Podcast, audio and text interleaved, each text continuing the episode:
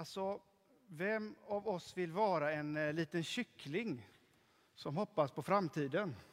Fundera på det lite. Det har vi en, bra, det är en bra början. Alltså jag frågar eftersom Jesus hade den här gripande liknelsen när han använde sig själv, alltså, bilden av sig själv som en höna. Och i sin besvikelse och frustration hörde vi honom utbrista Jerusalem, Jerusalem, du som dödar profeterna och stenar de som blir sända till dig.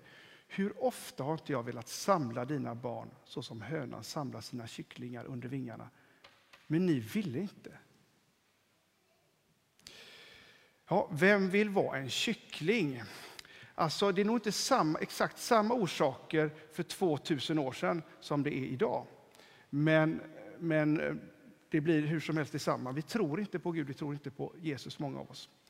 I vår del av världen, kanske inte minst i, i vårt land, är det många som säger sig inte kunna tro på något annat än det som kan vägas, mätas och bevisas. Tro eller vetande skanderade Hedenius och hans lärjungar på 50-talet och gör det fortfarande. Alltså, tro eller vetande. Eh, och för de rättrogna så måste man nämligen välja tro eller vetande. För mig personligen är det inget alls konstigt att kombinera, alltså att, att få ihop tro och vetenskap. Att det till exempel är Gud som ligger bakom Big Bang, evolutionerna, evolutionen och arternas uppkomst. Det, är inget, det får bli en annan predikan. Men det går alldeles utmärkt att få ihop det. Eh, för ett par veckor sedan kom min äldste pojk hem och berättade att han haft religionsundervisning i skolan. Och jag blev åh, roligt! Åh, vad handlar det om då? Vad handlar det om? Du måste berätta. Jo, vet du vad det handlar om? Faran med religion var temat. Då. Jaha. Ja, men okej. Okay. Ja, men det är ju jättebra att ni tar upp det, för det har ju hänt en massa saker i religionens namn, det vet du ju. Och i kristendomens namn, korståg och allt möjligt, och sker fortfarande dumma saker i religionens namn. Så det är jättebra att ni tar upp detta, tänkte jag. Och, för det är ju sant, det händer massa dumma saker. Och, och ibland hör man också, se vad religionen har ställt till med. Alltså borde vi inte, som är så upplysta och vet så mycket idag, liksom, eh, sluta upp med de här vidskepligheterna? Säger vissa. Men lika sant som det att det sker och skett massa negativa saker i religionens namn, lika sant är det att det sker dåliga och destruktiva saker i massa andra, på andra sätt. Låt oss kalla det storheter som politik, idrott eller hur man förvaltar jordens resurser. Det finns olika, det är stora företeelser. Det går inte att säga att all religion är dålig eller att all politik är dålig, eller hur? Skulle jag bara titta på hur det gick i, under 30-talet i Tyskland Eh, då, då, när det gäller politiskt engagemang. Det gick ju inte alls bra, det vet ni va? 30-talet Tyskland, poli, politiskt engagemang blir inte alls bra. Håll inte på med politik, skulle jag kunna säga då. Eller hur? Det är inte rättvist.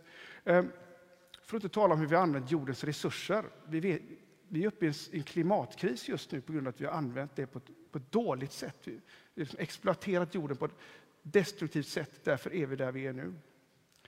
Och vad vill jag komma med detta? Jo, lika viktigt som det är att ta upp faran med religion, så är det att ta upp faror som finns i massa andra företeelser. Eh, faktiskt. Och vi som då är så upplysta och vet så mycket, vi borde också se andra saker.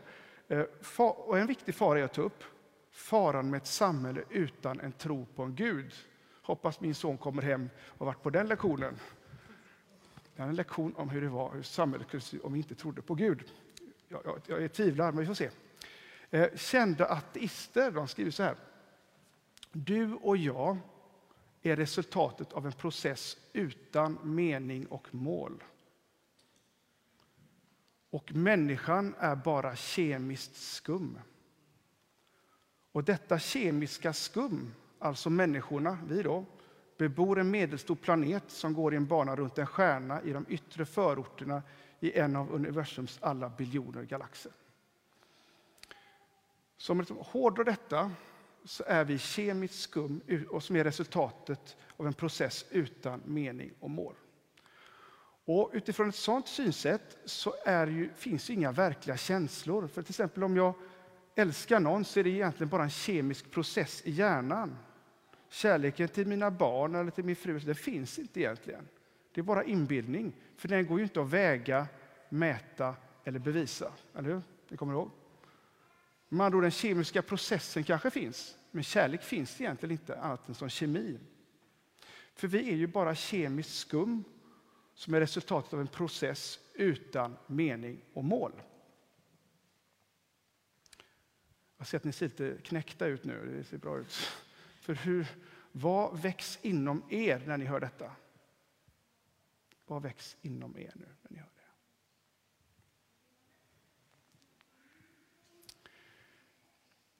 Jag känner som kristen hur otroligt sorgligt det är att ha ett sånt här sätt att se på tillvaron, livet och meningen med allt. Att eh, på allvar tro att kosmos, jorden och människorna, djuren och växterna, allt som lever, bara kommit till av en slump. Och att vi bara är kemiskt skum. Alltså, vad ska jag säga? Det, det är tragiskt på något sätt. Och eh, ändå är det, detta synsätt det är något som anses vara neutralt numera. För inte så länge sedan så gjordes ju en, en, lades upp en avhandling av hur grundskolans lärare undervisade om religion. Och där det religiösa framställs, religiösa framställs som udda och annorlunda. Medan ateistiskt fram, alltså, sätt att se på livet det var neutralt och vederhäftigt och modernt. Nu kan ni ta del av den avhandlingen om ni vill. Och jag tror det finns en stor risk om det uppstår en avhumanisering av människan. Om vi bara ser på varandra som ett paket med skum, kemiskt skum, då kan vi behandla hur som helst, eller hur? Men jag är inte så naiv att jag tror att allt skulle bli jättebra om alla gick i kyrkan helt plötsligt över en natt. Det tror jag inte. Men det är ändå anmärkningsvärt att det i Sverige, som är en av världens mest sekulariserade länder, finns en stor grupp yngre människor som mår jättedåligt. Det har ni säkert läst om och det finns undersökningar om det. Och det är inte säkert att det finns ett självklart samband, men jag tror ändå att det är en väldig fara om vi förminskar människan till att bara bli ett ting bland tingen. Alltså, om det inte finns någon egentlig mening med livet. Om varje människa inte är unik, älskad för sin egen skull. Om livet inte går ut på att leva i kärleksfulla relationer till Gud och människor. Ja, då är det onekligen ganska sorgligt. Så finns det också många rapporter som visar på att många mår allt sämre. Så jag tror det är jätteviktigt att våga uppmärksamma vad som händer om tillvaron bara tolkas som något som, som är en process utan mening och mål. Och att människan är ingenting egentligen. Alltså faran med ett samhälle utan en tro på en Gud. Faran med ett samhälle utan religion. Hoppas att den yngste pojken kanske kommer hem efter några år och fått, fått den lektionen till sig. Att det finns en fara i det också. Var finns evangeliet i detta? Var finns frälsningen, eller befrielsen som det heter idag? Jag skulle säga att det finns i den heliga Andens viskningar och därigenom hjärtats erfarenhet om att tillvaron faktiskt är större än det som kan vägas, mätas och bevisas. Hjärtats erfarenhet av att du och jag är skapade med mening och mål. Att du och jag inte alls bara är kemiskt skum utan att vi framförallt är skapade till Guds avbild som är sedda och älskade av Gud och att vi är kallade att leva i kärlek till Gud, människor och hela skapelsen. Och att vi som kristna till och med vågar tro att Gud har kärlek till oss, själv blev människa i Jesus. Och att han dog och uppstod för vår skull för att kunna befria, frälsa oss och hela världen från meningslöshet, död och ondska till ett liv i tro, hopp, kärlek och glädje. Jesus är som hönan som vill samla sina ungar under sina vingar. Vem vill vara en Jesu kyckling? Jag tycker det ser bra ut. Det ser riktigt bra ut. Låt oss vara Jesu kycklingar.